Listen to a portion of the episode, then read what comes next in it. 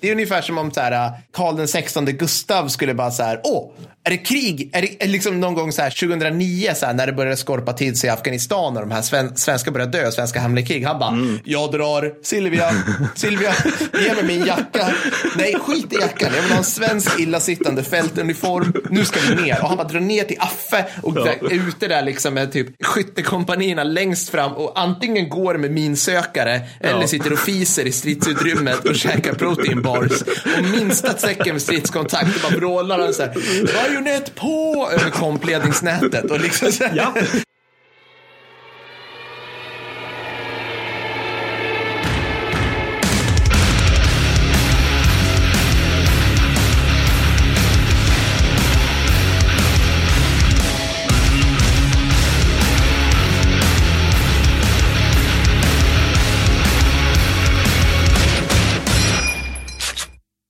Vansinnigt stort välkomna underbara lyssnare till detta avsnitt 31.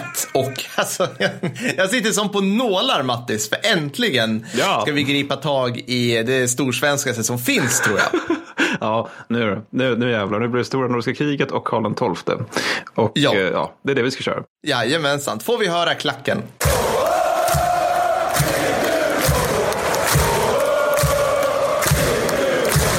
Åh, tack. Alltså, jag tror jag satte ju... tonen för det här. Alltså att vi, vi, liksom, vi, vi, vi, kommer givetvis göra precis som vi gjorde i avsnitt 19 som kommer ja. kunna ses som en slags companion piece till den här podden. Att det här blir en helt oberoende och opartisk skildring av den här konflikten. Jajamensan. liksom så här, vi kommer ta upp sådana här helt oproblematiska krig där ingen, ingen civilbefolkning råkar illa ut. Typ stora så här, skånska kriget och sådana här saker.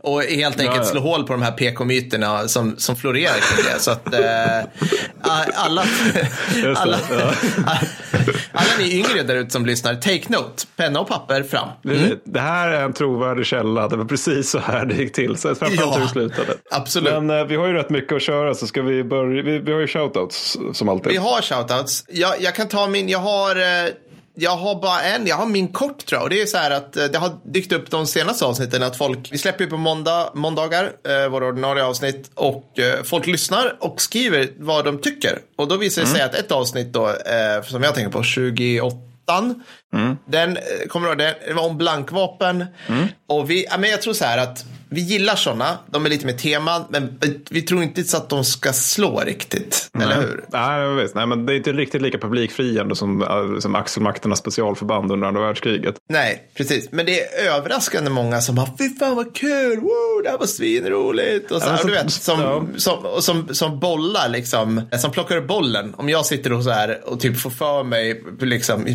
trötthetens dimma där, att så här, jag undrar hur det här var. Då är det någon som kollar upp till mig och skriver det på Twitter. Men sånt där tycker jag är väldigt kul. För det är kul, När, när det är så att det, det, vi gör något som är lite mer udda. Liksom, mm. Eh, och att det går hem. Det, det tycker jag är väldigt mm. roligt. Uh, ja, typ, ja, men precis. Så, så ni där ute Ja, exakt. Så ni där ute, AG Dahlman von Tappen, herre och fru magister med mera, eh, som kommenterar på sociala medier vad ni tycker och, och sådär. Gör det. Fortsätt, fortsätt, fortsätt, fortsätt. Svinkul. Ja, ja nej, alltså vi, vi, ja, min shoutout, alltså, det är ju till, alltså vi får ju så sataniskt mycket kärlek. Det, det, det är mm. nästan som man börjar känna sig lite bortskämd. Men eh, eftersom vi har en del så tänkte jag köra en shoutout. Och det är till instakontot Kalla kriget en historia. Som är, det är faktiskt svinmysigt om man tycker det är intressant med kalla kriget. Och framförallt den svenska krigsmakten och försvarsmakten under kalla kriget. För det, han lägger ut bilder, texter och intressant info på, ja, alltså marin, flygvapen och armé under kalla kriget. Och, och det roliga är att många av de här bilderna, alltså jag har ju jobbat med en gång i tiden med att försöka hitta, hitta snäviga bilder i ett bildarkiv som hade, ja. jag tror det var 250 000 bilder, varav majoriteten var svenska krigsmakten under kalla kriget. Mm. Jag känner inte igen många av de här. Det är bra. Det, är det har man lyckats bra. rätt bra. Ja. Det är riktigt bra och de är snygga också. Det är mycket så här ja. sexiga, sexiga, sexiga Viggen som står uppställd. liksom man bara, mm, bra flygande stridsvagnar. Skriver han lika så. långt som du gör på, eh, på Insta? Uh, inte riktigt lika långt, men, men alltså jag brukar ha problem med att jag spräcker ju teckenbegränsningarna. Alltså ja. ofta. Det, det, det, de börjar ta sig allt mer monstruösa former. Men folk verkar ju tycka det är roligt. Så det... ja, ja, ja, ja. Jag följer någon, ett, mitt, det är fan mitt favoritkonto på Insta som jag kan rekommendera. det är Kickstorypodden ska du säga nu. Ja, ja, ja Kickstorypodden. Den gillar jag också. Men han skriver så långt den där. Jag vet inte fan vad det är. Det är lite drygt. Nej, men uh, Vietnam 365 tror jag den heter, Days. Och då är det mm en, snubb, en veteran då som plåtade en massa när han var där och skriver bara saker om det och lägger upp bilder och skriver också svinlångt. Och jag tror han, men han var så här bara typ skyttegruppchef typ eller något. Så han var liksom inte någon, han var liksom inte någon reporter eller något sånt där. Så jag, jag gillar, jag kan rekommendera det. Så jag gillar, Ja. jag gillar långa textlängder Mattis. Fortsätt med det. Ja. Mm. Men vi måste sätta igång. Vi kan inte Ja. hålla på så här. Nej. Nu är det, ju, det är storsvensk. Det är bajonetter, stål och anfall, anfall, anfall. Så att, eh, Värjor på framåt. vä- värja på. Vad ska vi, vad, vad, liksom, vad tar vi tag i det här över? För jag känner så här, jag har, jag har liksom en apor som sitter på min rygg här Mattis lite grann. Och, alltså, jag har så mycket från liksom när jag var yngre om stora nordiska kriget. Alltså Karl XII, du vet, det är så, det är så överhypat på något vis. Vad, Men alltså, jag tänker så här, det, det tror jag man ska utnämna det absolut mest kända slaget i svensk historia så är det Poltava 1709. Ja, Tveklöst. precis. Alltså, jag tror, Ja. Kanske Lützen som är på liksom en avlägsen tvåa, men absolut Poltava som är... Och, och jag tänker, eftersom Poltava är mest känt för allmogen liksom, så tänker jag att även liksom nog i den kontexten att stora nordiska kriget är väldigt, väldigt känt också av de krig Mm. vi har utkämpat. Jag, jag, tror, jag, tror, jag träffar folk som faktiskt är liksom så här glatt överraskade över att vi utkämpade 30-åriga kriget och som nog absolut inte känner till Karl X Gustavs polska krig, vilket ju också var liksom så här komprimerade versionen av 30-åriga kriget fast lika Ja. blodigt ungefär för ja, stackars polackernas del. Men, men, men Stora Nordiska, det är ju på något sätt, det är nästan den så här perfekta svenska sosseskapelsemyten. Liksom att vi hade Ja. vårt imperium och sen så krackelerade allt sammans med det här sju helvetes långa kriget där vi liksom, det började bra och sen så gick det lite sådär så. Mm. Och efter det så, så har svenskarna inbillat sig att vi överhuvudtaget inte utkämpat några krig och att vi har haft e- evig fred, ungefär så. Ja. Så att jag vet inte, det, det, men, men, men vi pratade om det innan lite grann, det här med att vi båda är liksom lite skeptiska till Karl XII. Ja, precis. Alltså så här. Vi, ska, vi borde egentligen börja prata om Karl den elfte. Eller Ja, men vi låt borde oss göra bara- Ja, alltså vilken jävla, vilken jävla hjälte. Alltså, ju, ju, ju mer man läser om honom, desto mer imponerad blir jag. Kan vi få ett Karl den elfte ljud? Life here isn't too bad. Ja, tack så mycket. Eh, det kommer inte alls bli svårt. I work as hard as I can. Eh, men liksom, ja, ja nej men. vad, vad ska man börja med honom då? För det första är det ju karln alltså som, som kastas in eh, också tidigt i kriget helt enkelt, mitt i svenska stormaktstiden. Där, på den här tiden då svenska stormaktstiden var typ så här svår på riktigt för att han måste typ förhandla med, med adeln vad han än gör. Han måste, alltså så här, Sverige är stort men också anfallet precis hela tiden. Och fattigt som fan. Jag fattigt som fan. Och så har han precis fått typ Bohuslän, Halland, Blekinge, Skåne i svensk ägo. Vilket är nog inte bara en välsignelse. Nej, och så man har gerillakrig där, det är svinblodigt. Ja. Och det, är också så här, liksom, att det var inte just lätt att försvara dem under skånska kriget när danskarna kom. Liksom att man, man, var, man var tvungen att slåss ganska mycket för att behålla skiten. Ja, Och precis. också bara att det var så här på, med nöd och näppe att man vann det kriget och liksom hela det kriget vi, vi, visar sig, okej men det finns enorma blottor i hela vår krigsmakt. Vi trodde Mm. att vi bara kunde vila på lagrarna från Brightonfeld. Det visade sig att nej, det gick inte. Vi höll på att förlora den här Nej. skiten. Precis. Och eh, liksom, jag tycker han, just när man kollar vad han gjorde så är det så här, ja, eh, han bara, jag, jag, måste, jag måste kriga och nu blir jag invaderad. Så Skåne blir invaderad och, första gången då, eller jag ska säga, jag ska säga så här, innan, innan vi börjar med den bara Mattis, innan vi, innan vi rör oss sakta mot slaget vid Lund, så vill jag bara säga så här, Danmark, för helvete, lär er. Alltså på riktigt. Okej, så här, alltså så här, vi börjar Stora Nordiska, då är det så här, Danmark, det första man läser i historien så är det så här, Danmark passade på att ingå ett anfallsförbund med Polen och Ryssland och anföll Sverige. Men hörni, alltså, var det så här, tredje gången gilt eller? Jag tänker så här, Karl den tionde, Stora Bält, Fredhilder och Skilder, det sämsta freden i Danmarks historia. I princip. Blev av med över hälften av sitt territorium. Innan det, Lennart. Innan det, innan det Lennart. Sen bara skånska kriget med Karl den elfte, slaget vid Lund. Det blodigaste, av de blodigaste slagen i historien. Danmark var liksom, skickade iväg alla sina drängar över sundet, ingen kommer hem. Nej. Och sen bara, sen kommer så här Karl den tolfte och danskarna bara, nu då? Nej, fortfarande inte. Den heter, han heter fortfarande Karl. He will kick your ass. Lägg in klippet från Far Cry 3 här. Did I ever tell you the definition of insanity? Så, bra.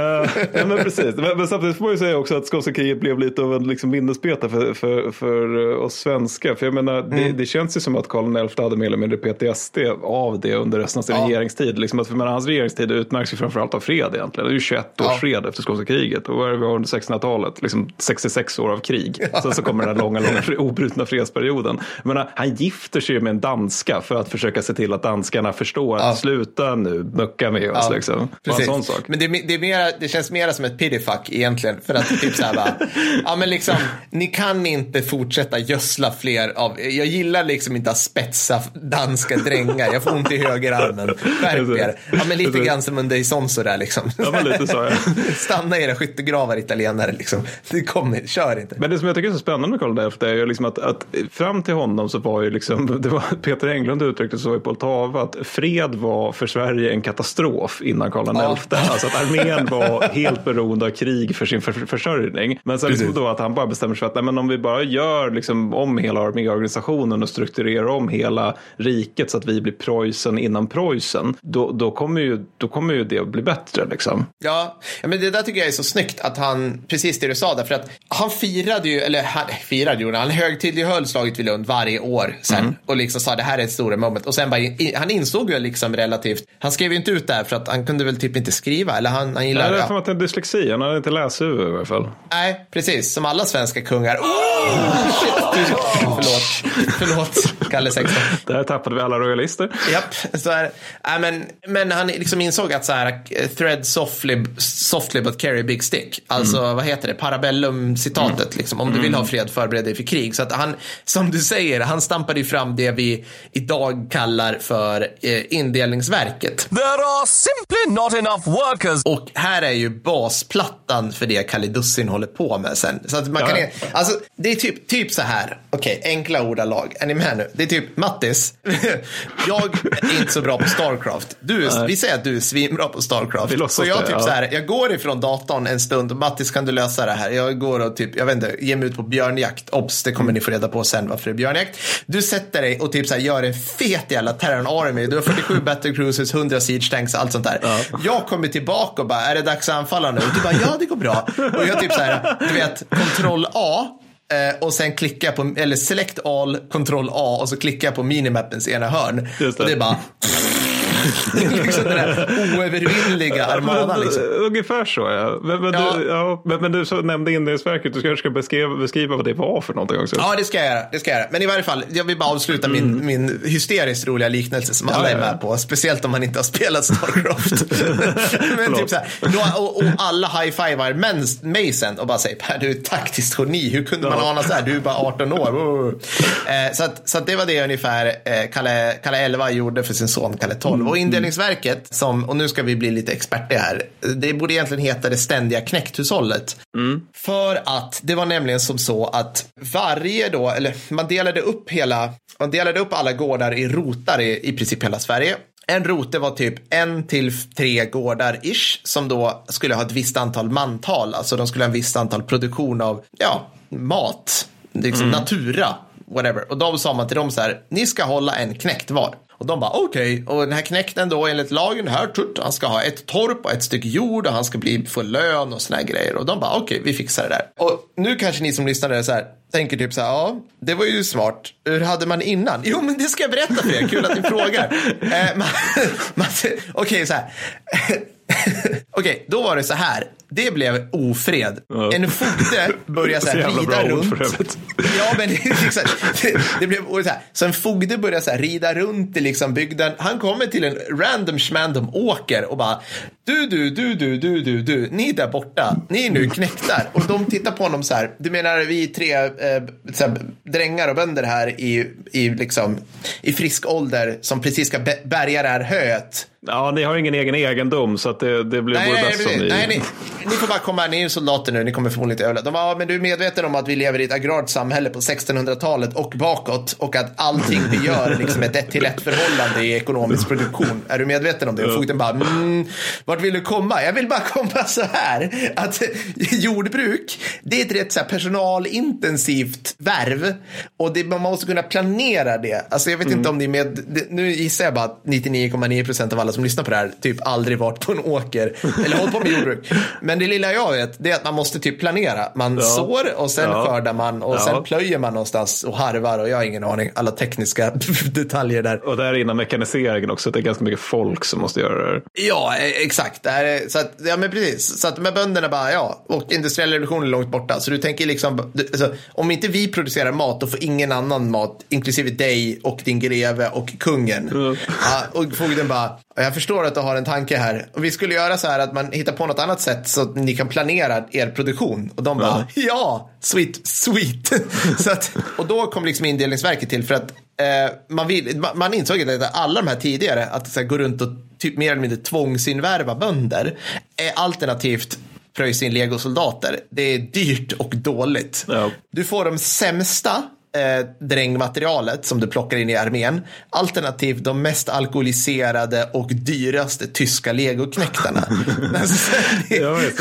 Men också, sen tycker jag också det är intressant med, med, med Karl XI system. Det är ju att alltså just det här med att det finns, man säger liksom till var tionde person att ja, men nu är du soldat helt enkelt. Och du, du, du, ska ha, du får ditt lilla torp där du har din lilla ko och du din lilla fru för alla måste vara gifta liksom, så att det finns någon som kan ta hand om gården ifall det blir krig. Det innebär att så länge det är fred då kan ju de drillas. Och, och det låter ju liksom inte sådär jätteimponerande idag eftersom idag så tycker vi att det är ganska självklart att man ska utbilda folk innan man kastar in dem i krig. Ja. Men, men det var liksom inte en självklarhet på sent 1600-tal. Och dessutom Det var det mindblown. Slag vid den här tiden är så jäkla sällsynta att det är liksom typ omöjligt för en soldat att få rut- rutin i det hela. Alltså att om du har någon som är under ett slag i världskrigen, alltså de slagen är igång i månader och sen så kanske du överlever det och sen så är det nästa slag eller nästa offensiv och det innebär att du hinner bli veteran på riktigt. Men på den här tiden så här, ja det är ett slag varannat år kanske eller varje år om man har tur, eller ja, otur snarare. Eh, men det innebär ju också att, att även veteranförband är beroende av den här goda utbildningen i grunden, för det är det de framförallt har att falla tillbaka på snarare än att de har varit med förr. Sen hjälper väl det lite grann naturligtvis, men det är svårare med den där typen. Ja, men det är mer jag menar. Ja, och jag menar, det var, ett, alltså, det var ett nice gebit att vara soldat i fred. För att du fick ett torp och du fick lite lön. Ja. Och du fick, som du säger, en fru genom då fru.nu, eh, en statlig hemsida som drevs av Kalle. Nej, jag vet inte. Men, jag vet, men förmodligen bara, här, du ska ha en fru. Eh, precis, och sen kunde de drillas, som du sa. Så att, eh, så, och allt det här skapade ju mer förutsägbarhet. Och det här i sig, alltså indelningsverket och allt det här, det var ju en del av att man också gick runt och bara så här, okej, vi säger att vi har Sverige och så tittar man på ni vet, en sån här helt jävla oläsbar 1600-talskarta. Var är det? Så här, hur många bor här? Så här, och då fick folk åka ut och liksom räkna efter alla bönderna. Alltså man, man, man hade ett, ett satans, vad ska man kalla det Mattis? Man hade pli på folk. Man visste Man hade pli på, ja men och det, det var rätt nytt. Det är det jag skulle vilja säga. Alltså det var lätt så här, eh, liksom, Mm. man, man startade så här kammarkollegier och här grejer. Liksom. Jag vet inte om jag berättade det, men det var någon gång jag fick höra att hur, det, var, det var någon som skulle göra forska, forska om, om Skånelandskapen. Och då gjorde han det utifrån kyrkoböcker. Och då var det liksom att innan Skå- Skåne blev svenskt, då var det liksom så alkoholiserad dansk bypress som hade liksom Ja. så här, ja, men lite på känn och lite på infall. Så hade han från till skrivit någonting och det var mest när skulle skryta om hur mycket öl han kunde få i sig. Liksom. Dricka stark öl. Er ikke stærk øl. Det er, det er dyst. Lyst! Ja, dyst. Lyst!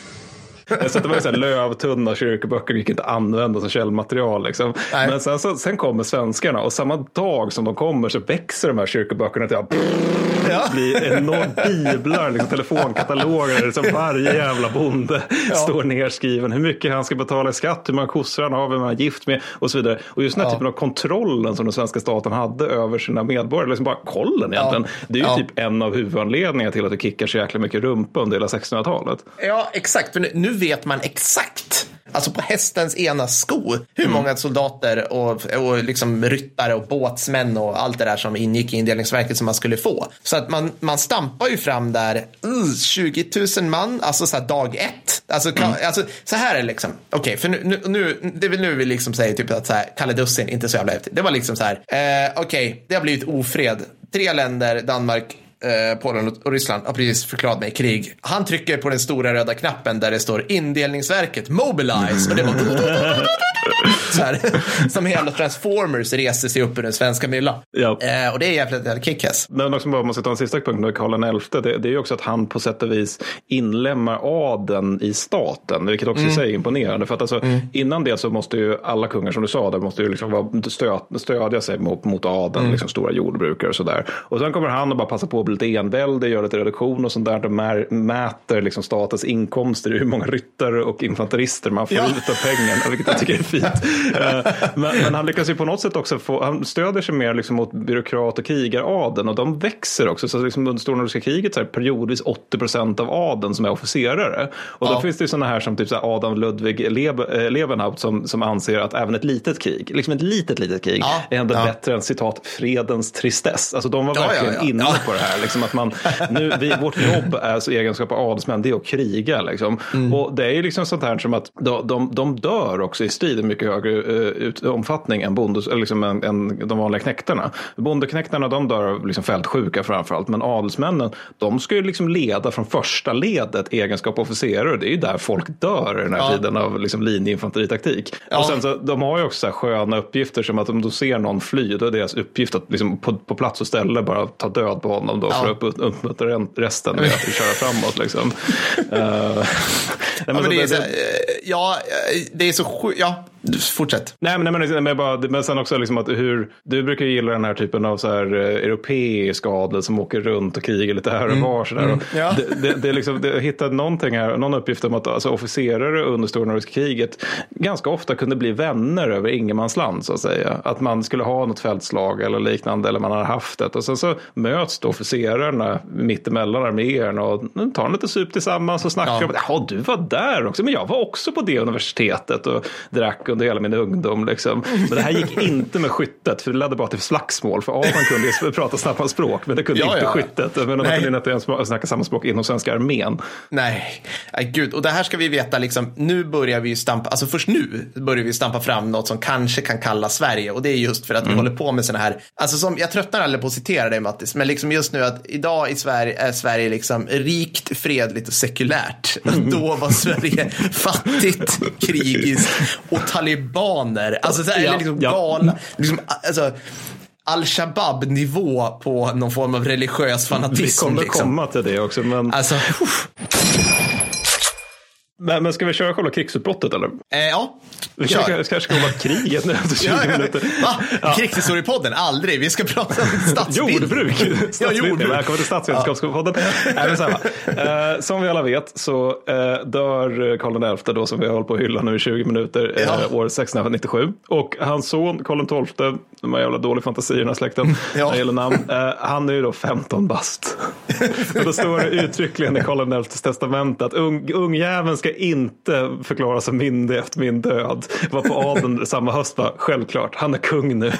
För att de hade en så här skön idé om att Karl XI hade koll på att liksom begränsa våra rättigheter och det innebär ju inte att bönderna får mer rättigheter. Så kan vi naturligtvis inte ha det. Nej, nej, nej. Eh, Men han är ju liksom 15 så honom kan vi kontrollera på ett helt annat sätt. Bara på Ka- Karl XII bara, känns bäst att fortsätta pappas policybeslut. Så det är liksom helt kört på den punkten. Men i alla fall, liksom stor, stormakten Sverige då. Den, den byggdes ju i grund och botten på danska, polska och ryska benknotor. Det, det är så det funkade Mm. yes. liksom, på deras bekostnad. Liksom. För som du nämnde, på den här tiden finns det ingen tillväxt, alltså ekonomisk men, Nej. mening som det gör idag. Utan om man skulle växa som ekonomi så innebar det att ta mer terräng av någon annan i grund och botten. Gärna hamnstäder också. Gärna hamnstäder och det, det innebär att någon har förlorat där. Så Stora Nordiska kriget är i praktiken deras revansch. Då. Så 1699 så ingår Danmarks Fredrik fjärde ett förbund med, S- eh, mot Sverige med Polen, Polen Den andre samt Peter, som vi nu eh, efter kallar Peter punkt eh, av Ryssland. Eh, och, och, eh, man, kan liksom ana så att det var, det var lite dålig stämning gentemot Sverige på den här tiden. För liksom August den andre, när han, blir, han är ju alltså kung av Polen Saxen och vi orkar inte gå in på de här dynastiska förvecklingarna. Åh, man kan vara nej. kung i båda de länderna. Nej, det gör vi inte. Men när han, han blir, liksom, får tronen i Polen, då får han svära att ta tillbaka förlorade områden. Och medan tsar Peter, han, han, han säger liksom att Ingermanland, eh, det är en port mot Östersjön. Vi, har, vi är liksom helt utstängda från Östersjön. Vi måste ta tillbaka Ingermanland. Det sa vi redan när vi avsvor oss Ingermanland till svenska jävlarna i början av 1600-talet. Och danskarna, de är ju så här fyllda av Tuborg och önsketänkande. De är inte bara fåniga idioterna. De är ta mig fan livsfarliga. De tänker sig att 1697, de har en ung kung, det här liksom när som helst är det uppror i Sverige, de har typ svält i landet. Åtta, åttonde gången gilt på 1600-talet tänkte Danmark. ja, men de tänker att det, det är ett korthus som ska falla när som helst. Och Ja, de blir liksom ja, helt galna också. För det, det finns det här eländet som, som vi inte heller ska gå in på. För det, det, enligt Lord Palmerston fanns det tre personer i Europa på 1800-talet som förstod hur det fungerade. Men Holstein-Gottorp som är hertigdömet under Danmark. Ja, vi ska inte gå in på vad det var. Men, men vi svenskar hjälpte snälla som vi var hertigen av Holstein-Gottorp att bygga Ja. skansar då. Som Ja. riktade mot danskarna. Ja. Eh, Och det tyckte danskarna inte var något kul. Så att, då tyckte de att det, nu, nu får det fan vara bra. Så att de går ihop allesammans. August II och Tsar Peter, de, de super i tre dagar när de ingår i det här förbundet. Eller snarare tre dygn då, för att det här var liksom den tiden när man spottade glaset om man säger så. I februari år 1700 så inleds kriget med att saxarna angriper Riga. Riga håller då för att vad fan ska de göra? Och Karl XII han är då på björnjakt som jag nämnde tidigare när han får det här budet och sa då vi, sk- vi skola snart få kung August att återvända samma väg han kom. Men det är ju en grej då, att de jävla saxarna har angripit oss. Eller Sachsen-Polen, Vi- härnäst säger vi saxarna. Men sen så liksom bara en månad senare så invaderar Danmark Hol- Holstein eh, Gottorp. Den vill vi gärna ha. Mange tack. Så att helt plötsligt har Karl, Karl XII två fiender på halsen. Ryssarna har ju inte kommit in än, men liksom, ja, så, så kan det jag gå. bara, jag bara skjuta in där en rolig grej som, som Karl XII, du sa att han fortsatte sin farsas policy och det Mm. roliga är ju också att så här, alltså, vi betedde oss ju som stormakter beter sig idag. Alltså så här, Ja. vi bara, vi gillar inte det där landet så vi kommer stödja det där lilla skitlandet bredvid i allt det de gör där. Ja. Alltså, så här, det är liksom USA hela 1900-talet. Nej, men liksom, det är roligt att så här, Det är väldigt roligt. Nej, men så här, varför, varför ska ni stödja Holstein Gottorp på den här grejen? Och Karl säger, "Äh, det är nice. Det kan. Men sen var det väl också säkert som det med, med USA numera. Liksom så att CIA håller på att stödja någon så här obehaglig gerillagrupp under kalla Ja. kriget. Och sen är amerikanerna jätteförvånade över att liksom det landet inte tycker om USA. Eller att någon börjar Nej. spränga amerikanska ambassad. Vadå, vi har inte gjort någonting, vi vill höjda bort dem all skuld. Ja, så men, men så att liksom kriget bara kastas rakt i knät på kalla dussen mer eller mindre. Och eh, här behöver vi, eh, för att signalera det här segmentet så behöver vi Ernst-Hugo. Dansk. Jävlar. Dansk jävlar! Ja, så helt rätt. Mm. Ja, för grejen är att danskarna hoppades ju nu här på att, att Sverige skulle vara jätteoredo för det här. Ung kung, liksom, oj, oj, de är Ja, ja, fattiga. Det gick ju nästan före det skånska kriget. Så här. Men vi är svinredo för Kina när kriget kommer 1700. Det är liksom utländska observatörer som bara, alltså de befinner sig i krig även när det är fred. Det är bara Ja. soldater överallt. De bygger kanoner jämt. Liksom. Ja. Så vi har 76 000 man i vapen som bara, det var den där röda knappen du beskrev. Ja, röda Liksom, knappen. Han trycker på röda Ja. knappen. Och det är också det, så här, det som vi har- orsaken till att vi har tjatat så mycket om Karl XI, det är ju att de här 76 de är några av de bäst drillade, om inte rakt av de Mm. bäst drillade i Europa över tiden. Och det innebär i praktiken att de är bäst i världen. Så det, liksom, den är ju sig, sig försvar, strukturerad för att försvara kärnlandet, liksom Sverige och sådär. Sen så i provinserna ska garnisonerna hållas, hålla liksom tills det blir Mm. avlösta.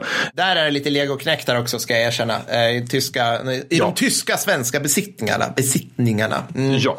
Ja, men det är väl också så lite så här, typ så här, estnisk milis, det vill säga gjorda av stål, men, men som ska vara i Livland och så där. Så att det är så här, lite så här uppstampade. Jaha, ni gillade, inte tys- ni gillade inte ryssarna på 1600-talet heller? Perfekt! Ta en musköt. Hör någon prata ryska? Skjut! det är så jävla perfekt. Ja, Ja. ja. men lite, det var lite så. Menar, de, de pratar ju fortfarande den goda svensktiden i Estland. Ja. För att allting innan var jobbigt, allting efter var förfärligt. Så, så, men den där svensktiden, den här korta underbara tiden när vi var en del av Sverige. Då, Ja, vi kommer snart igen hörni grabbar. Det är lugnt. Snart, snart. Men det jag tycker är så skönt också är det här där det gäller den här danska sorglösheten. Där de bara, okej, men Sver- vi förklarar just krig mot vårt grannland, Sverige. Ja. De finns på andra sidan sundet. Bra. Precis, exakt. Ja. Alltså vi, ser, vi ser dem på andra sidan. Alltså man ser över Ja, ju. ja. Alltså, Ja. eh, Så vad gör vi då? Ser vi Ja. till, att, för- liksom, se, till, se till att Köpenhamn är liksom en jävla fästning. Att liksom fältarmén finns där. De kan bara ta terräng i Skåne. Nej, nej, vi går in i Holstein. Gottorp. För det tänkte vi kunde vara en skön idé. Eh, Så det gör de. Var på svenska bara, eh, britt, eller Bri- Storbritannien, Holland, ni våra kompisar, kan ni hjälpa oss med det här med att skeppa över vår fina fältarmé till, till eh, fan blir det, Själland? Ja, skitsamma. Den En av de här av, leriga öarna som ingen vet vad de heter. En av dem. Utskitet av kalk och vatten. Kjellberg Själland eller något sånt där. Ja, precis. Exakt. Ja. Nej, nu behöver vi, eh, nu behöver vi heja klacken igen.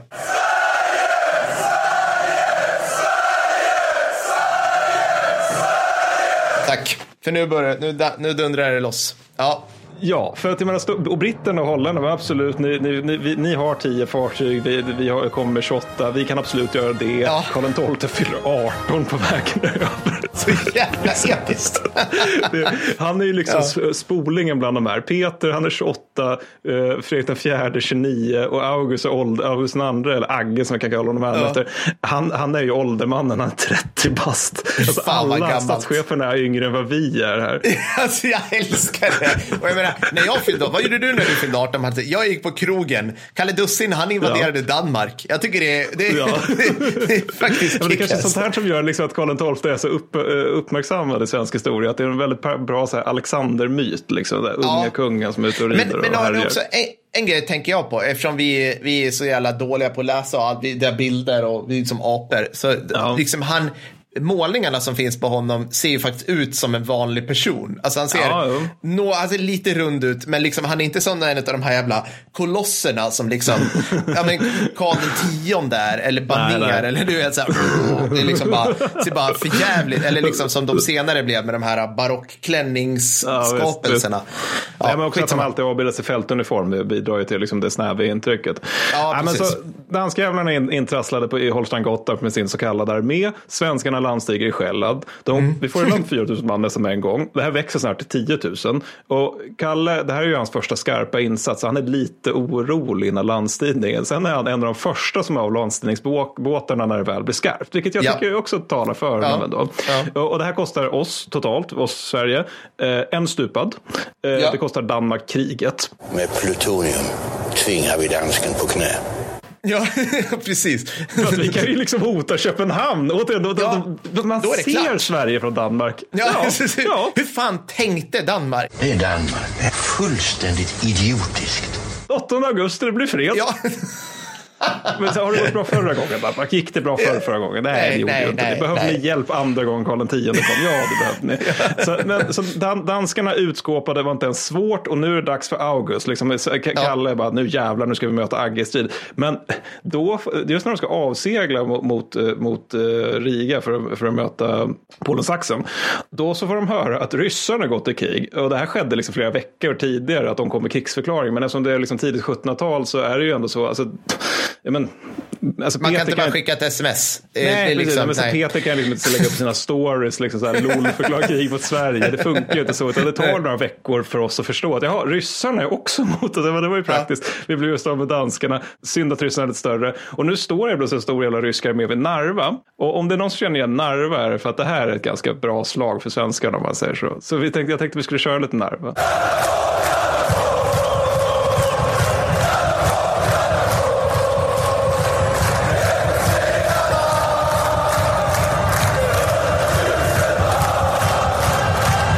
Är du redo Nu för det? kör, jag är så jävla redo för Narva. Det Jag har taggat i veckor för, för Narva. ja, men alltså, det ska också tillägga så här att alltså, våra fi tre fiender här, alltså, de, de, det här är liksom, det, det är också en grej där man kan undra lite grann om de tänkte. De söp ju tillsammans och kom fram till att vi är kompisar, vi ska anfalla Sverige Mm. tillsammans, men det finns ingen gemensam plan. Vodka. Tack. Det är ingen så här liksom, att om vi slår till samtidigt eller något Nej. sånt, utan det, vi kommer lite sådär och sen lite sådär och så får vi se var vi hamnar någonstans. Liksom. Det, det är det som är strategi på den här tiden. Nej, men så, 20 november då, Eh, för grejen är att eh, när, när, vi, när de står där vid Narva så, i Estland så, så förstår Kalle, okej men då måste vi gå dit istället för att möta Agge. Så att 20 november år 1700 så blir det så att vi står utanför Narva då. Och då vid det laget har Agge dessutom bara gett upp för Riga. Och det som är här då, det är att vi har 10 000 man. De har 33 000 man, ryssarna. Mm. Så att, alltså det- ryssarna, ja precis. Mm. De är i förberedda ställningar. de har grävt ner sig. liksom, är Vad kan vi om att anfälla förberedda ställningar? Äh, det Ja, går, ja. det går alltid. Kan, kan, det går alltid perfekt. Vi, vi som på något sätt har blivit första världskrigspodden. Liksom. Ja. Och grejen är att svenskarna har också marscherat genom ett förhärjat landskap. Det är, liksom, det är mitt i vintern, eller i fall början av vintern, så det är kallt Mm. och jävligt eftersom det är fortfarande är typ lilla, lilla istiden. Mm. Så att vi, vi bestämmer oss för att ja, ja, men då får vi väl gå i strid omedelbart, liksom, för att vi kan inte stanna, stå still, för då svälter vi ihjäl eller fryser Mm. vi ihjäl. Och planen då, det är inte Karl XII som står för den, utan det är en karl som heter Rensköld. Och Rensköld kommer vi komma tillbaka till lite grann. Men, men han, han framstår för mig lite grann den som är hjärnan i den här operationen. Liksom. För, Ja. för att eh, alltså, Kalle han är ofta ute och grisar liksom, längst fram med knektarna. Men Ja. Rensköld är ofta den som bara, men om vi gör så här istället då vinner Ja. vi också. Kalle bara, ah! Ah! Står där med Ja, men blodig det, det är så jävla roligt. Alltså, jag älskar just Kalle Dussin. Alltså, återigen, alltså, vi kommer ju runt till varför folk gillar honom. Men det är ungefär som om så här, Karl den 16 Gustav skulle bara så här, åh, är det krig? Är det liksom någon gång så här, 20, äh, när var det nu igen? 2009 så här, när det började skorpa till sig i Afghanistan och de här sven, svenska började dö, svenska hemliga krig. Han bara, jag drar, Silvia, Silvia, ge mig min jacka. Nej, skit i jackan. Jag vill ha en svensk illasittande fältuniform. Nu ska vi ner. Och han bara drar ner till Affe och Ja. där, är ute där liksom med typ skyttekompanierna längst fram och antingen går med minsökare eller sitter och fiser i stridsutrymmet och käkar protein bars. Och minsta tecken med stridskontakt och bara vrålar han så här, bajonett på över kompledningsnätet och liksom så här, Ja. eldfront vänster mot och bara framåt liksom. Ungefär Och hela, så. Ja men det är ju så här och hela riksledningen alla bara, alltså, de bara, eh, kan vi kanske, har ni funderat på mat? Han bara, nej, vi lever av jorden i Afghanistan. Också, ju han, styr, ju- han är enväldig. Alltså, också. Ja, ja. Steg 16 Ja. styr ju Sverige från Afghanistan och liksom kräver högre skatter och sådär så att han ska få mer, mer pojkar att ha med sig i fält att umgås med. Liksom. Springer sådana här, det springer såna här ministrar i kostym efter honom i Afghanistan. Kan, du skriva under det här? Kan du skriva, kan du, och? Ja, ja, ja, vi måste anfalla, vi ska ta den här byn. Ja, Precis. roligt. Ja, nej, Eh, men så, målbild. så, men, men den som jag tycker framstår lite grann som hjärnan av operationen är Rensköld. då. Och han får dessutom lite hjälp av att det snöar och snön blåser rakt i ögonen på ryssarna. Då. Så de tas mer eller mindre på mattan när svenskarna anfaller. Och det är dels på grund av snön, men dels på grund av det här med att vi anföll så plötsligt. Liksom. Att de tänkte sig att äh, men de måste hinna organisera sig och ställa upp lite grann. Men svenskarna var mer så här, men vi kommer på plats och sen så går vi i strid. Liksom. Och ryssarna de tas ännu mer på mattan när de helt plötsligt blir beskjutna på 30 meters avstånd. Så blir de uppsplittrade i tre delar. Det här tänker jag är lite praktiskt för de var ju tre gånger så många som oss då. De blir uppsplittrade i tre delar så, som då kan förgöras var för sig och liksom de som överlever det de drivs bakåt i oordning över en, blo, en bro över Narvafloden och den bron kollapsar. Och Ja. liksom, det, det, det, det enda som Sitter jag och ler blodstörstigt. Ja, förlåt. Ja, alltså, ja, det enda ja, som typ Ja.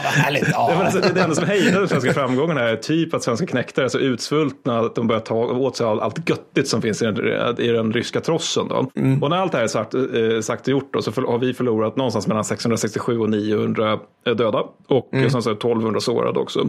Ryssarna förlorar 6 till 18 000 dödade. 20 000 krigsfångar och det var antar jag att resten är, liksom, de är väl sårade hela hög. Alltså den armén finns inte längre, den är bara borta. Vad gör man med 20 000 krigsfångar? Det är ju mer än vad som bor i Tallinn på den tiden. Alltså, Ja, ja, det- de får väl typ befolka Livland med det inte. Ja, men här var ju lite dumma för att alltså, i, i, i andra arméer, Clausewitz menade att den här segern inte räknas för att, och jag citerar, ryssarna nätt och jämt var civiliserade på den här tiden. Men, men oavsett så, så, så, så var problem, var det, alltså, det var ju ganska rasistiskt sagt av Clausewitz, men, men det som är grejen är att eh, i, när vi slogs mot andra så kunde vi ofta ta de soldaterna och bara inympa i vår armé. Liksom. Men det gick inte med ryssarna för att då, då, det, vi tyckte inte att det funkade, liksom, antar jag, Nej. på grund av soldatutbildningen. Då. Så att många av dem fick bara gå hem istället. Att man sa, "Ja, ni får väl gå er väg då. Helt enkelt.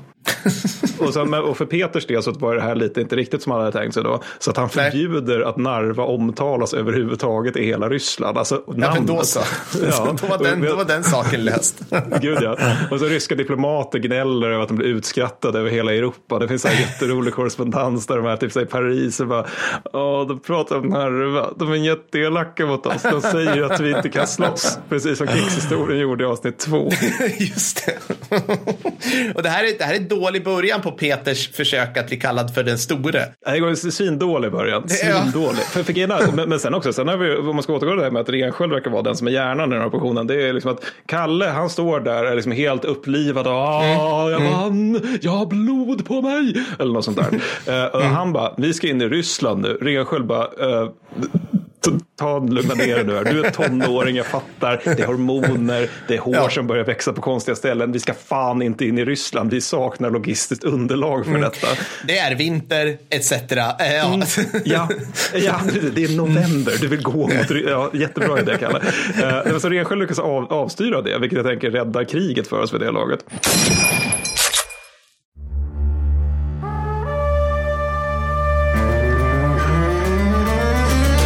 I det här avsnittet har vi verkligen gått över alla gränser för att erbjuda er lyssnare någonting storslaget, storsvenskt helt enkelt. Vi har nämligen spårat upp den storsvenska hjälten Carl Gustaf Renskölds ättling Gösta Rensköld. Jajamän. Han blev alldeles till sig bakom monokeln och lovade på stående fot att han skulle ge oss en sjudundrande upplevelse på godset. Annars skulle han minsann äta upp sitt tweedjaktställ. Mattis, du har införskaffat en helt egen häst till lördagsmorgonens rävjakt, eller hur? Jajamän. Ja, vi kommer under konstant inmundigande av punch återskapa slaget i Fraustadt medelst miniatyrkanoner, käpphästar och trädgårdstomtar. Storslaget kommer det bli. Missa inte detta.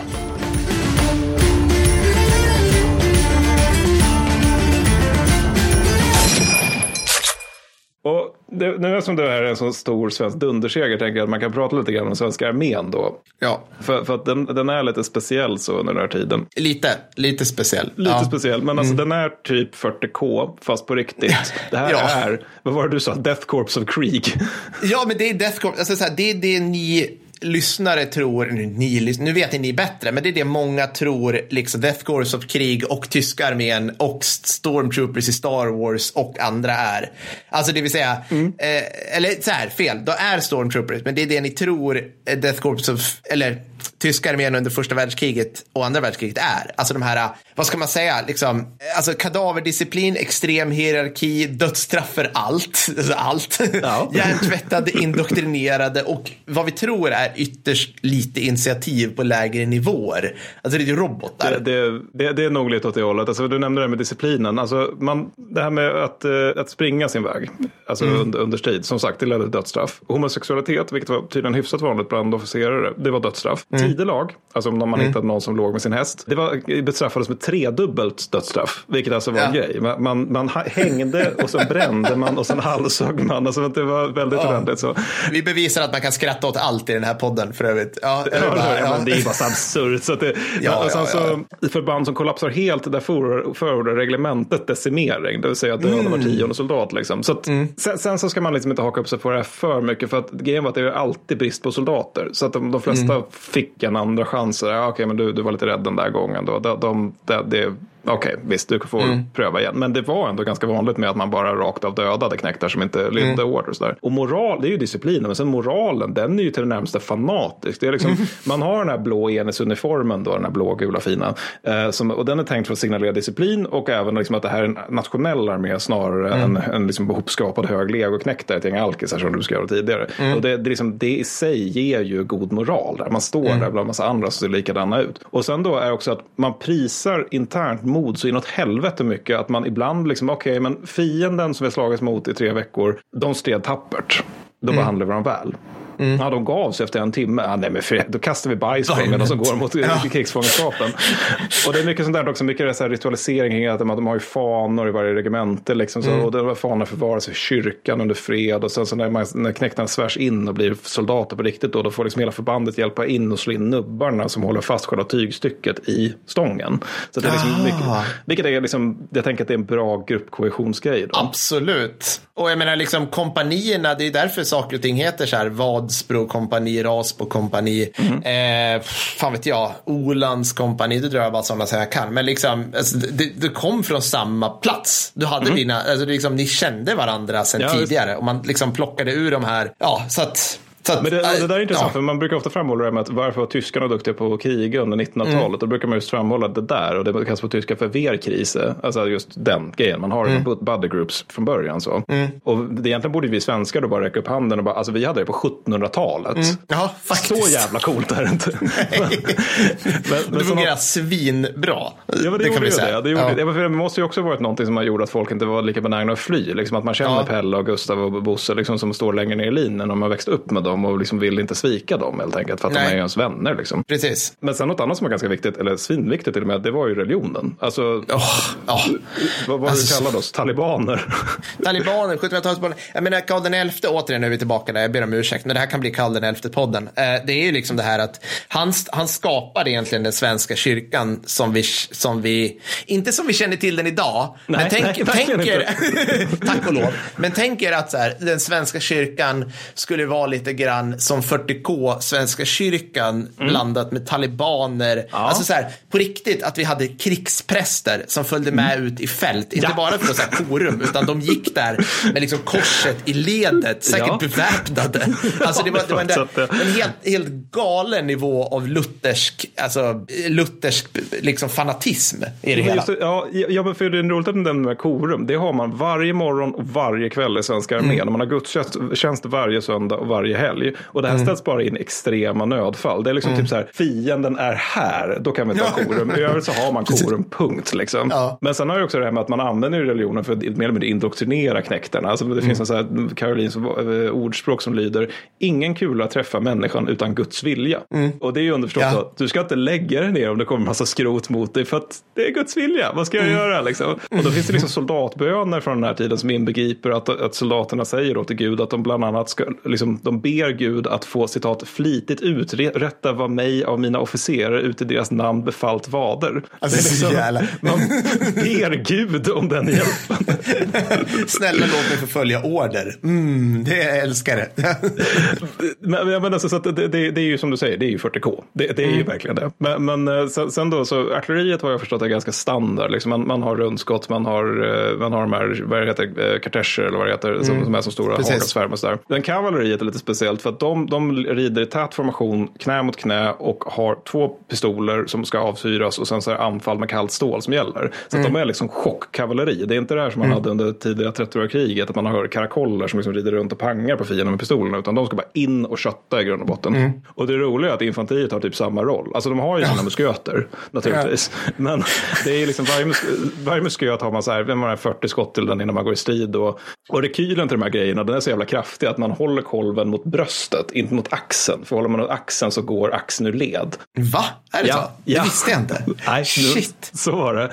Men för Ja, men, och så skjuter man på 30, 30 stegs håll va? Eller hur var det nu? Carolina armén brukar det vara ehm, det är effektivt eldavstånd på 150 meter, men i Carolina armén Mm. så föreskrivs det att man ska skjuta när man citat ser det vita i fiendens öga. Mm. Alltså, och det, det, med det menar man ju nära helt enkelt. Men det är ju så svindålig precision på de här grejerna, så det, är liksom, det är massan eld som är grejen, inte precisionen. Och det finns därmed de som menar liksom att det är helt jävla onödigt att sikta eftersom det drar ner eldhastigheten.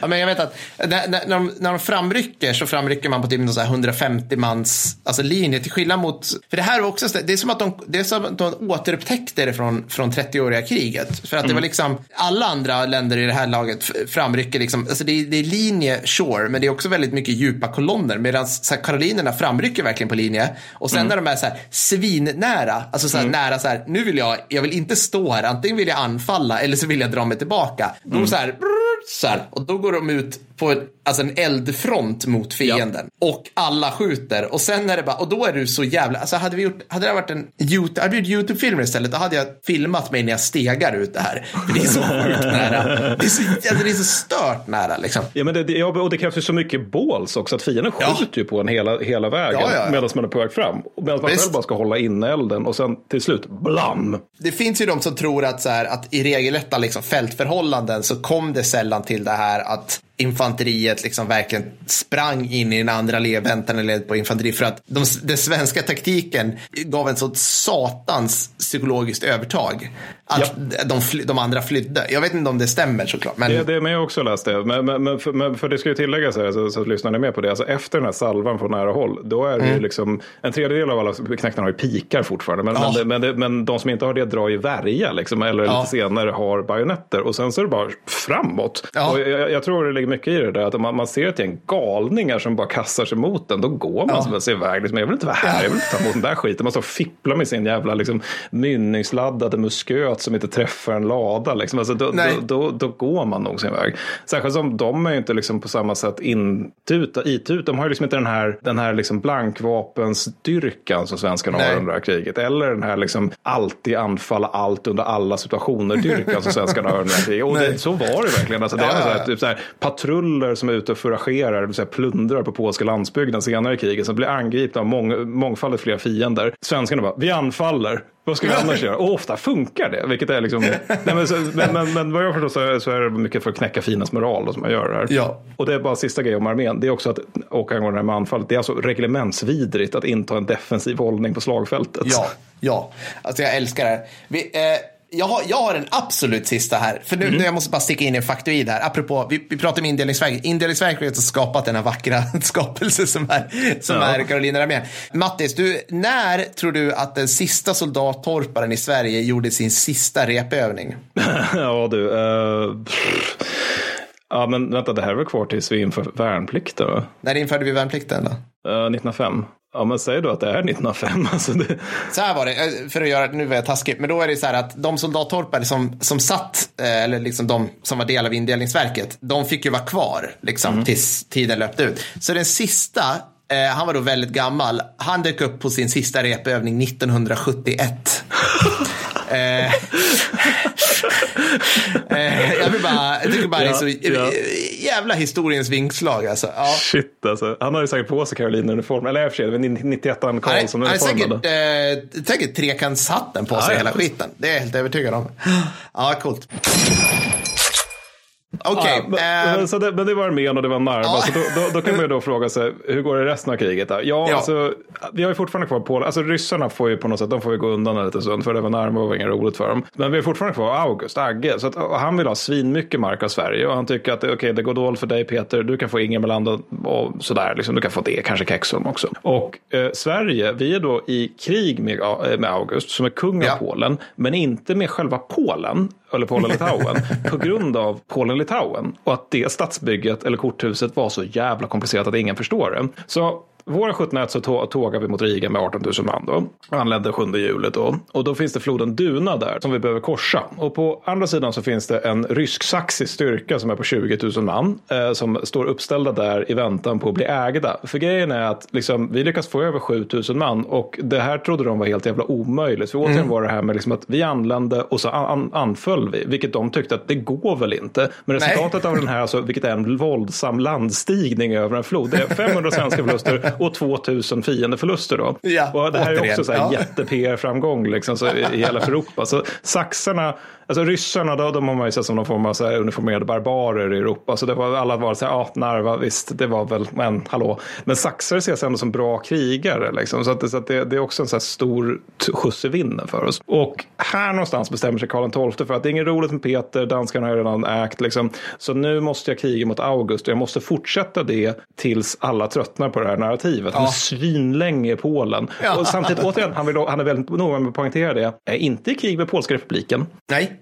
han är krig med, han är krig med August. Det här är jävligt viktigt. Alltså, under, det är jävligt spännande, tycker jag, när man läser om det här. Att, så här det, det är så mycket politiskt spel. Det är som att han, Ja. kri- han krigar liksom för, för andra. För under hela den här tiden så, så här, bryter det in så här. Och där slöt han ett avtal med Frankrike om 400 000 riksdaler. Och där pratar han med England om det och det och det. Så det är hela tiden liksom det här, eh, inte spel för kulisserna, vad skulle man kunna säga? Liksom en slags stor politisk grej. Alltså han, Ja, han för kriget med vänsterhanden och Ja. styr Sverige med högerhanden och utrikespolitik med sin feta hatt. Nej, jag vet inte.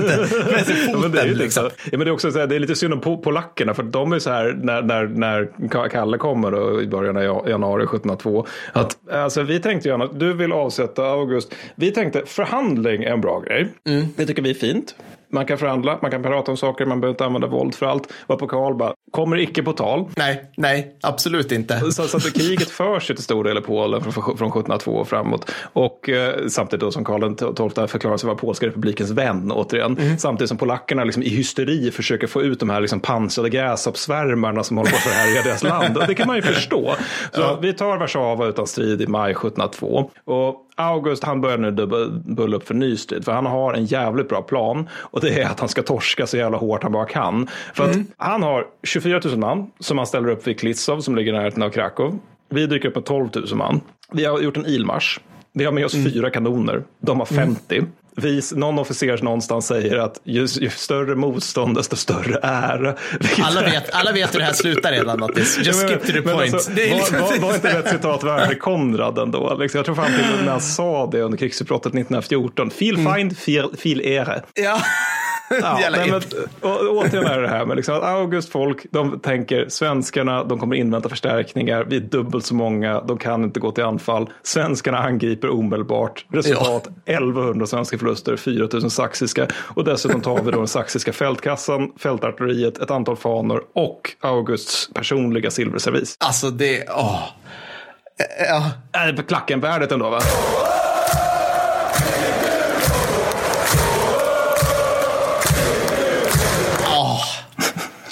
Nej men tack. Alltså, men det är, det, det är det här som är så roligt med Större Nordic. Det är, liksom, det är som att ingen lär sig någonsin. Samtidigt som det liksom, vi jagar. Alltså så här, vi jagar den här jävla eh, Agge runt hela Polen i princip. Och katolikerna bara skjuter in fler och fler och bara så här. Vi känner igen hur det här funkar. Vi känner igen det här från ungefär 60 år tidigare. när, det var någon... när det var. Gustav, ja, när det var Gurra 2 liksom. Som var Ferdinand. Ja, det, det är liksom det är samma grej. Vi, alltså Sverige, lutheranska galningar som älskar att anfalla, åker ner och skövlar katoliker. Ja, om man skulle ja. ställa liksom, trosinriktningarna mot varandra. Ja, men, men, men grejen är också att det finns ju en annan front där. För att eh, Kalle håller på med sin be- besatthet av att få, bort, få ut August ur kriget. Och, och under tiden så kommer den där gamla folket i Baltikum tillbaka. Och den är liksom lite bortglömd sådär. Att den får nästan inga förstärkningar för att det är så mycket som avsätts för Polen. Då. Och Baltikum, där är det ju ryssarna som kommer igen där. Och de här baltstyrkorna som vi har där, de är uppdelade i tre stycken. Och de kommunicerar inte med varandra överhuvudtaget. Så Nej. ryssarna, de tar faktiskt terräng här. Eh, De, de kan till och med börja bygga Sankt Petersburg på svensk, eh, svensk mark och med svenska krigsfångar år 1703. Vilket jag tycker är dålig stil av dem. Jävligt Eh, och här, här lyckas de också vinna sin första seger under kriget, vilket sker den 30 december 1701 vid Rastfer.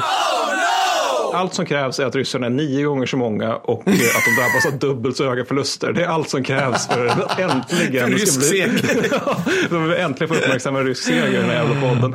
Ja, Eh, Ryssland, LOL. Ja. Ja, Ryssland, LOL. Alltså, och allting suger för oss i Livland och liksom baltstaterna det, liksom, under hela 1702 och så vidare. För att ryssarna är bara så jävla många och det är mycket så här helt vansinniga grejer som att det är så här, typ Nötteborg och jag tror 1702 där det är 440 svenskar som står mot 12 500 ryssar understödda av ytterligare 20 000 ryssar.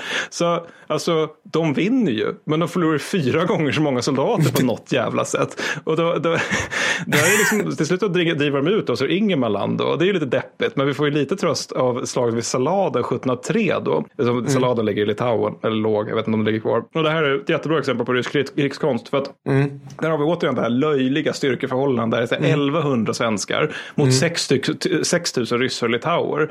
Summa 40 Alltså inte tusen, utan 40 stupade svenskar. 1500 ryss-litauer som dödas. Men det, det trots så tappar vi liksom successivt under kriget landkontakten mellan Baltikum och Finland. Men återigen, Ja. 40 stupade. Men hur fan 1500. Jag lyckas- fattar inte det.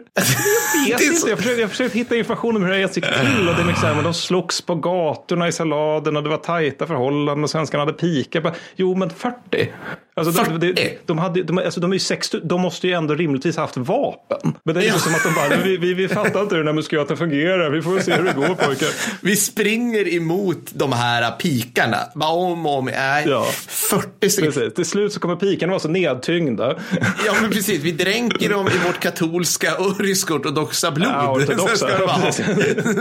Nej, men undrar vad fan. Men det, sen vet jag också att okej, förlusten av de där länen eh, var jobbigt. Men jag tror Ja, att Kalle katastrofalt. Dussin sa så här, ja, ja, det är ingen som bor där ändå, skit i dem eller något. Alltså jag menar, det finns en viss, och här, men nu ungefär, vilket årtal är du framme vid nu Mattis? Är vi framme Uh, 1703. 1703, okej. Någonstans här så börjar också det här, det här underbart som jag har hypat hela avsnittet, indelningsverket eller ständiga knäckhushållet, inte krackelera på något vis, men känna lite så här, hmm, vi skulle behöva förstärkning av Ja. egentliga Sverige, trademark, eh, copyright. eh, varvid man hittar på sådana här saker som tremänning och fyrmänningssystemet. Och ni som är lite längre norrifrån nu, tror jag, känner igen tremänning som ett annat ord för syssling, alltså min kusins kusin. Nej, vänta, hur fan blir det nu? Mitt Ah, ja, ja, kusins... jag har aldrig... Mina barn och mina kusiners barn, de är sysslingar.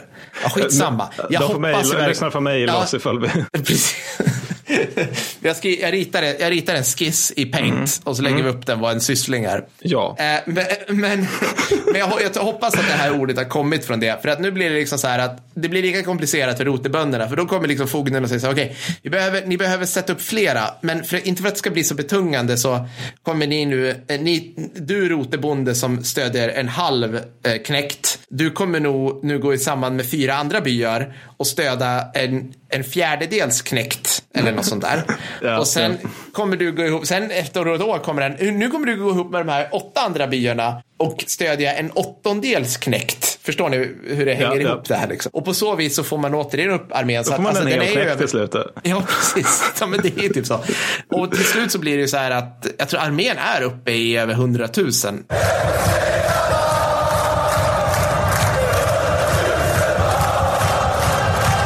Någon gång här eh, mitten, mitt i stora nordiska. Ja, det börjar ju på 76 000 så får man väl anta att det är uh, utskrivningar och så vidare. Men de- de dör ju som flugor av fältsjukan också. Det är Ja, också ja, ja. det som är så här patetiskt med det här kriget. Det är att återigen, om man räknar ihop de slag jag nämnt här, våra förluster är ganska anspråkslösa. Men så fort det är mars, då är det så bara, ja men där försvann ett helt jävla regemente för att det var fältsjuka och det var ungersk blodpest och det var det ena med femtonde. Men, men sen en grej som jag tänker man kan ta upp här, för vi var ganska dåliga på att ta upp det i avsnitt 19 om 30-åriga kriget. Eh, det är väl på något sätt för att man alltid associerar 30-åriga kriget till de här skövlande soldathopparna som liksom förgör civilbefolkning. Det var ju så här under det här kriget också. Det var bara ja, det ja. att det var liksom lite mer organiserat. Liksom. Så att det fann, plundring, det var liksom reglerat i de svenska krigsartiklarna och såg som helt legitimt. Det, men det och skrikfyllan fick bara inledas efter att man hade vunnit slaget. Liksom. Man fick inte hålla på plundra under själva slaget, då blev det avrättning. Ja, och, och sen ska man också säga så här att Kalle Dussin och vi, så här, de var rätt smarta när det gäller det här med vinterkvarter. För de insåg ju liksom, okej, vi går i vinterkvarter. För när fighting season är över och det börjar bli vinter, även om man är i Polen, så är det så här, det, kan bli tråkigt. Så, så ni får bo i de här böndernas hus här i den här byn eller i den här staden. Och då visste man så här, här vi måste nog behålla disciplinen. För att alla ni som har jobbat, som antingen A har varit soldater eller B haft att göra med soldater, vet att lämnar man dem för sig själva ett tag, då kommer de ställa till med dumheter. De kommer börja producera sjukdomar och problem ur sina Ja, kroppar. ja. Typ, liksom. Så att det finns sådana grejer som att en svensk kavallerist blev avrättad för att han hamnade i en så här lättare handgemäng med en polsk bonde. Han örfilade bonden då och blev avrättad. Och en annan, en annan svensk knäckt, han blev, jag tror han blev avrättad också. Alla blev avrättade för allt i det här kriget. Han blev avrättad också för att han typ så här hade han hade puttat ett, ett polskt barn som ville tvinga, som, som när han försökte så här, greppa åt sig en mjölkkanna och hon försökte, barnet försökte hindra honom. Så förmodligen var han inne och snodde någon, försökte sno någonting. Eh, så det är rätt imponerande, alltså, så- man måste säga att det är imponerande Ja, ja, eh, alltså, det- disciplinhållning mot vad man tror att det är. Det är nog mycket mer organiserat än det under 30-åriga kriget i varje ja, fall. ja. Alltså, de, de har ju det här systemet kontributioner här också. Och sen så när armén har fått sitt så går Karl XII att citera som att eh, befolkningen får citat lida så mycket de vill efter att armén har fått sitt. Då. Men Ja. absolut, det var någon annan grej när man, det är nog när man är ute och liksom marscherar. Men det är någon annan grej när man, som, som du säger, vinterkvarter. Men problemet är också att det här, liksom, det här med att man alltid är ute och snor mat och bönderna och liksom tar alla hönor man, man kan hitta och sånt där. Det leder ju alltid till gerillakrig liksom, från böndernas håll. Och det leder till, eh, i sin tur till repressalier. Det var någon by som heter Niesava som bränns ner helt och hållet av svenskarna. Man behänger hela befolkningen för att de hade liksom på något sätt understött eh, gerillakrigare. Och eh, det är också så här när vi 1707 så är det så här massa gerillangrepp mot svenska armén och då dyker upp någon order som att alla män som påträffas över 15 år gamla ska bara dödas på plats och ställe för att ja. Ja. Så att det var ganska smutsigt krig där också. Men, men när det gäller själva plundringen också, det, det tycker jag var en lite intressant aspekt av det hela. Det är att det, alltså, som sagt, det är ju väldigt reglerat liksom. Men det är även reglerat hur det ska fördelas. Liksom att man, alla i förbandet får en bit av plund- stöldgodset. Mm. Liksom. Men man delar inte lika. Eh, Så man tar då salladen 1703 återigen. Då. Det var att en sårad kapten fick 80 riksdaler. En ej sårad kapten fick 40 riks- riksdaler. Sår, sårad mening däremot fick två riksdaler. Och ej sårad en riksdal. Sen förutsatte jag att det var mer pengar än de någonsin hade kunnat drömma om. Liksom, Ja, ja, ja, enskilda riksdaler. Bara, jag ska starta mitt eget regemente nu. Ja. Som i Eurotrip. Exakt. A penny! Exakt I så. quit! I will start my own hotel. Det var exakt så. Fan, det, det tog den referensen. Nej, men, men, och sen då till exempel Magnus Stenbock som efter Narva fick ett mårdpälsfodrat täcke, två silverkandor och som han skrev till sin fru, lite annat smått. Alltså de, de fick nog ganska mycket de högre officerarna.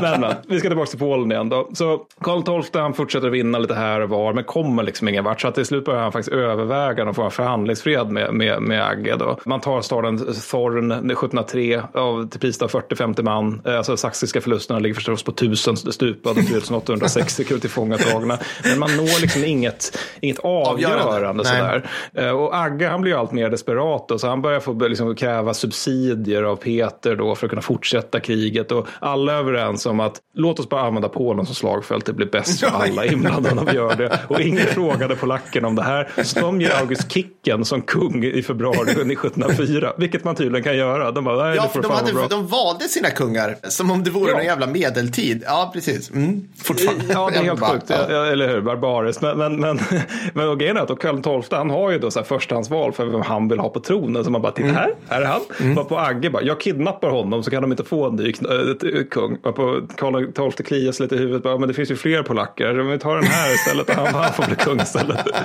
Eh, Åh, överlistad igen, skriker Agge i sin så här evil villain-håla. lite så, lite så. men så Karl XII han- tar 33 000 man ska jaga efter August. Då. Och men vid det här laget så är svenskarna inte väl vana vid att vinna. För att 1705 då så ska polackerna kröna sin nya kung. Och då skickar Agge ut 10 000 saxare för att hejda den här kröningen. Det låter ungefär som ett modernt amerikanskt val med andra ord. We're to walk down to the Capitol and we're to stop the steal. Och det som händer då, då det är att svenskarna bara, men ni 2000 framförallt kavallerister, kan ni gå iväg och försöka hejda den här liksom, fem gånger så stora styrkan? Är det, är det funkis? och de lyckas. Och det var inte ens svårt. Det var, liksom, det var jättearrogant, men vi vann jättelätt. Och sen så, men däremot samtidigt som det här händer så är det svindåligt för oss i Kurland, vilket är liksom ungefär dagens Litauen. Så huvudarmén, de får efter den här kröningen liksom tåga dit med kungen i spetsen då för att slåss mot Peter igen och anländer till Grodno i januari 1706. Och då har vi återigen den som jag har upprepade gånger kallat hjärnan för den här operationen, det vill säga Rensköld. Han får stanna kvar i Polen med 10 000 man för att hålla koll på saxarna. Och Peter och August, de två genierna här, de, för August är ju, han är inte kung av Polen längre, men han är fortfarande kurfurste av är så jävla irriterande med den här tiden. Ah, gud, Ja, men, ja. de, de, de ser i varje fall, okej, men huvudstyrkan är vid Grodno, bra. Rensköld är kvar, bra. 10 000 karoliner där och en förvisso jätteskicklig general. Men vi är svinmånga och nu kan vi, vi kan liksom, vi kan, vi kan slå Rensköld och sen så kan vi efter det gå på Karl XII och slå på honom från två håll. Det blir väl jättebra.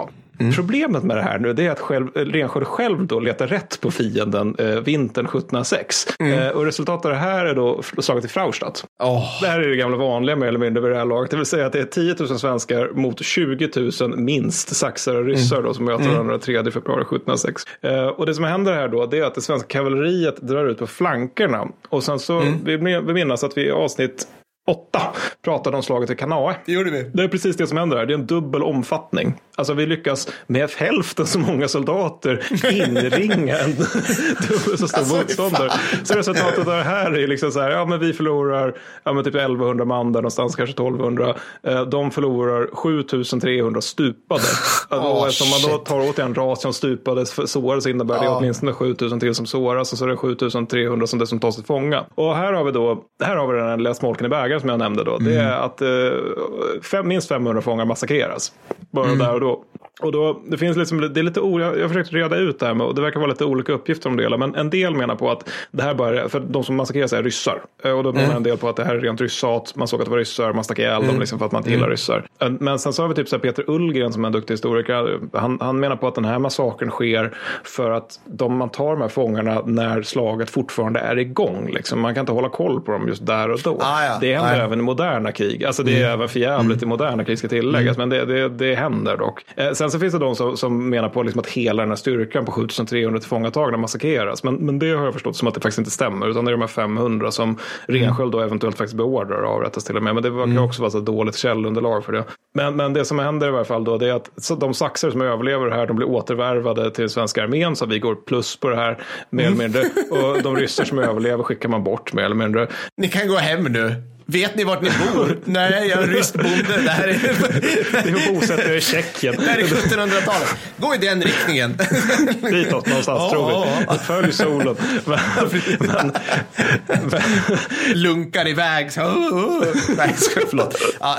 det var lite så. Det var just att massakrera fångar, det var, det var faktiskt inget ovanligt under den här tiden heller. Det är alltså inget försvar ska tilläggas, utan Nej, det är snarare en skildring av att kriget var helt brutalt. Alltså, Holovsyn 1708 så finns något exempel från att det är, vi har tagit massa krigsfångar, ryska återigen. Några officerare börjar fundera på, ska vi skona de här då? Var på en Mm. menig soldat springer fram till en officerare och skriker, inte ett kvarter herre, nog av det slaget gode herre. Och sen så sticker han ner då, random random stackars rysk krigsfånge med sin värja. Okej. Ehm, Så att, alltså, det var ganska vanligt helt enkelt. Ehm, Ja, men i alla fall med det här då så är det på något sätt som att vad fan ska Agge göra? Liksom? Alltså det, han har dykt upp med, om och om igen dykt upp med så här dubbelt till tredubbelt som stora styrkor och bara blivit ägd varje gång. Och det blir liksom eh, ungefär samtidigt som Frausta så slinker ryssarna ut ur Grodno då efter att ha förlorat 17 000 man på kuppen. Eh, vi förlorar nota bene förut 100 man då i stupade kanske 2 000 på grund av fältsjuka och så vidare. Och eh, sen i september 1706 så rycker både Kalle och Rensköld in i Saxen med 19 000 man för att avsätta August. Så 14 september så un- undertecknas freden i Allerstedt då August avsäger sig den polska kronan och att han ska sluta liksom vara jobbig. Och med det för så Ja, alltså det är väl där det slutar stora nordiska kriget. I princip så, det är väl så vi som vet om det. Så det har skapat vår moderna stat. Sverige har ett stor, stort rike runt hela Östersjön. Eh, Ryssland är ett, ett lätthanterligt lydrike borta i Moskovitland eh, och sådär. Så att ja, det är som det är nu ungefär. ja, vi har kvar flodmynningarna. Ja, ungefär så. Eh, Våra nordtyska besittningar lever och mår bra. Eh, mm, saxarna håller sig på mattan och sådär. Kunna Livland säga. förblir liksom den, den ekonomiska hubben för all svensk ak- aktivitet. Jajamensan, Mm. eh, inga landavträdelser vad vi vet i Finland eller något sånt där. Nej, nej precis. Ja, det var fint att det slutade så bra. Ja, tack för det. Typ. Eh, nej, men kanske inte riktigt så. Eh, det, finns olika, det finns olika historietolkningar där. Jättedåligt källunderläge för det här också. Men en sak som jag gillar med, med just, alltså vi har vi pratat om det här, liksom, det, så blir det, det blir tråkigare sen, det blir Ja, det. det blir Men det. vi, det, är så, det är så satans uttjatat. Alltså Ja, det det, här att Sverige kontinuerligt firar och uppmärksammar och berättar om alla förlusterna. Och det Ja. finns väl något fint i det, liksom Vasa går under, kronan sjunker, Poltava, men det är så jävla, ja men det är så, det är så tråkigt liksom på Ja, Det är sen så gjort. tror, tror jag också att, eh, som sagt, jag tror om det är någonting svenskar känner till om sin historia så är det Poltava. Så jag tänker det kan ju faktiskt vara lite, lite roligt att höra om den här tidigare delen av Stora Nordiska kriget. Alltså, Ja. jag menar, någonstans så måste man ju ställa sig frågan, hur kommer det sig att det finns en svensk armé i Ukraina? Alltså, Ja. liksom, förlorade vi hela kartan. vägen dit? Eller liksom, hur kommer det sig att det finns folk i små byar i Ukraina än idag som fortfarande svarar- pratar svenska fast på väldigt gammal form? Alltså jag älskar det. Jag tycker det är så fint. Och jag menar, okej, så att vi- återigen, om vi går tillbaka till Sverige här och liksom, nu har det hållit på så satans länge och eh, 1709 då är Poltava och man kan säga att eh, vi, vi har torskat summa summarum ungefär hela Stora Nordiska kriget, typ 200 000 man i, i förluster. Vilket är väldigt, väldigt mycket på en otroligt fattig befolkning av ungefär 2 miljoner. Så är det Ja, väldigt, väldigt mycket. Det är väldigt, väldigt, väldigt, det är många snubbar i stort sett skulle man kunna säga. Ja, så blir, det blir alltså 20 procent av den manliga befolkningen. Ja, lite drygt. Eh, Ja, men så det, det var ju liksom lite tråkigare bit av Stora Nordiska kriget. Men, lite tråkigt. Ja. Jag vill säga det, så, så jag kan komma med och slänga mig med några siffror här igen också. Ja, ja. Det skulle kunna göra. men, eh, men apropå siffror, nä, nästa avsnitt blir faktiskt lite mer fisk, siffertungt. Jajamensan, det kan bli riktigt bra faktiskt. Då ska vi nämligen prata om... Tjuvkikar. Vad sa du för något? Nej, jag sa inget. Vad ska, vi, vad ska vi prata om då, Mattis? Vi ska prata om, vi ska, vi ska faktiskt tillbaka till andra världskriget. Det var ganska länge sedan vi snackade om andra världskriget nu. Men Mm. eh, vi ska tillbaka till det kriget och vi ska prata stridsvagnar. Så nu Ja. kommer jag få pansarfolk på mig igen. Vi ska prata om T34, du ska snacka om den. Och jag ska prata Mm. Jajamän. om M4 Medium Tank, alias Mm. Sherman. Och vår tes kommer att vara att eh, den ena inte var så bra som folk tror och den andra var inte så dålig som folk tror. Nej, ungefär så. Jag, jag ser jättemycket fram emot det här. För det här har vi, det här har vi laddat lite för rätt länge, skulle man kunna säga. Japp. japp. Och återigen ska vi säga, om ni sitter och lyssnar på det här och tittar i er spelare till exempel och så bara, va, vart är avsnitt 30 någonstans? Då är det så att den får, fick bara, får bara Patreons lyssna på. Ja. Därav hugget. Och eh, äm, ämnet för den var eftersom det var ett jämnt och bra nummer med 30. Det blev medeltung bandmatad kulspruta. Alltså, som ni underbara Patreons röstade fram. Åh, åh, det var så roligt att spela in. Det var helt fantastiskt kul. det har det. Det har det. Ja, mycket bra. Eh, nej, men det här var toppen. Jag vill höra klacken en gång till.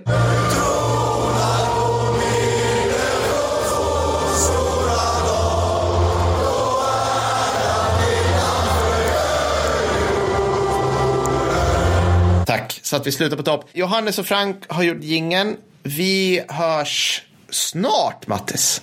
Ha det Ja, bra. är det. Ha det gött. Hej. Hej då.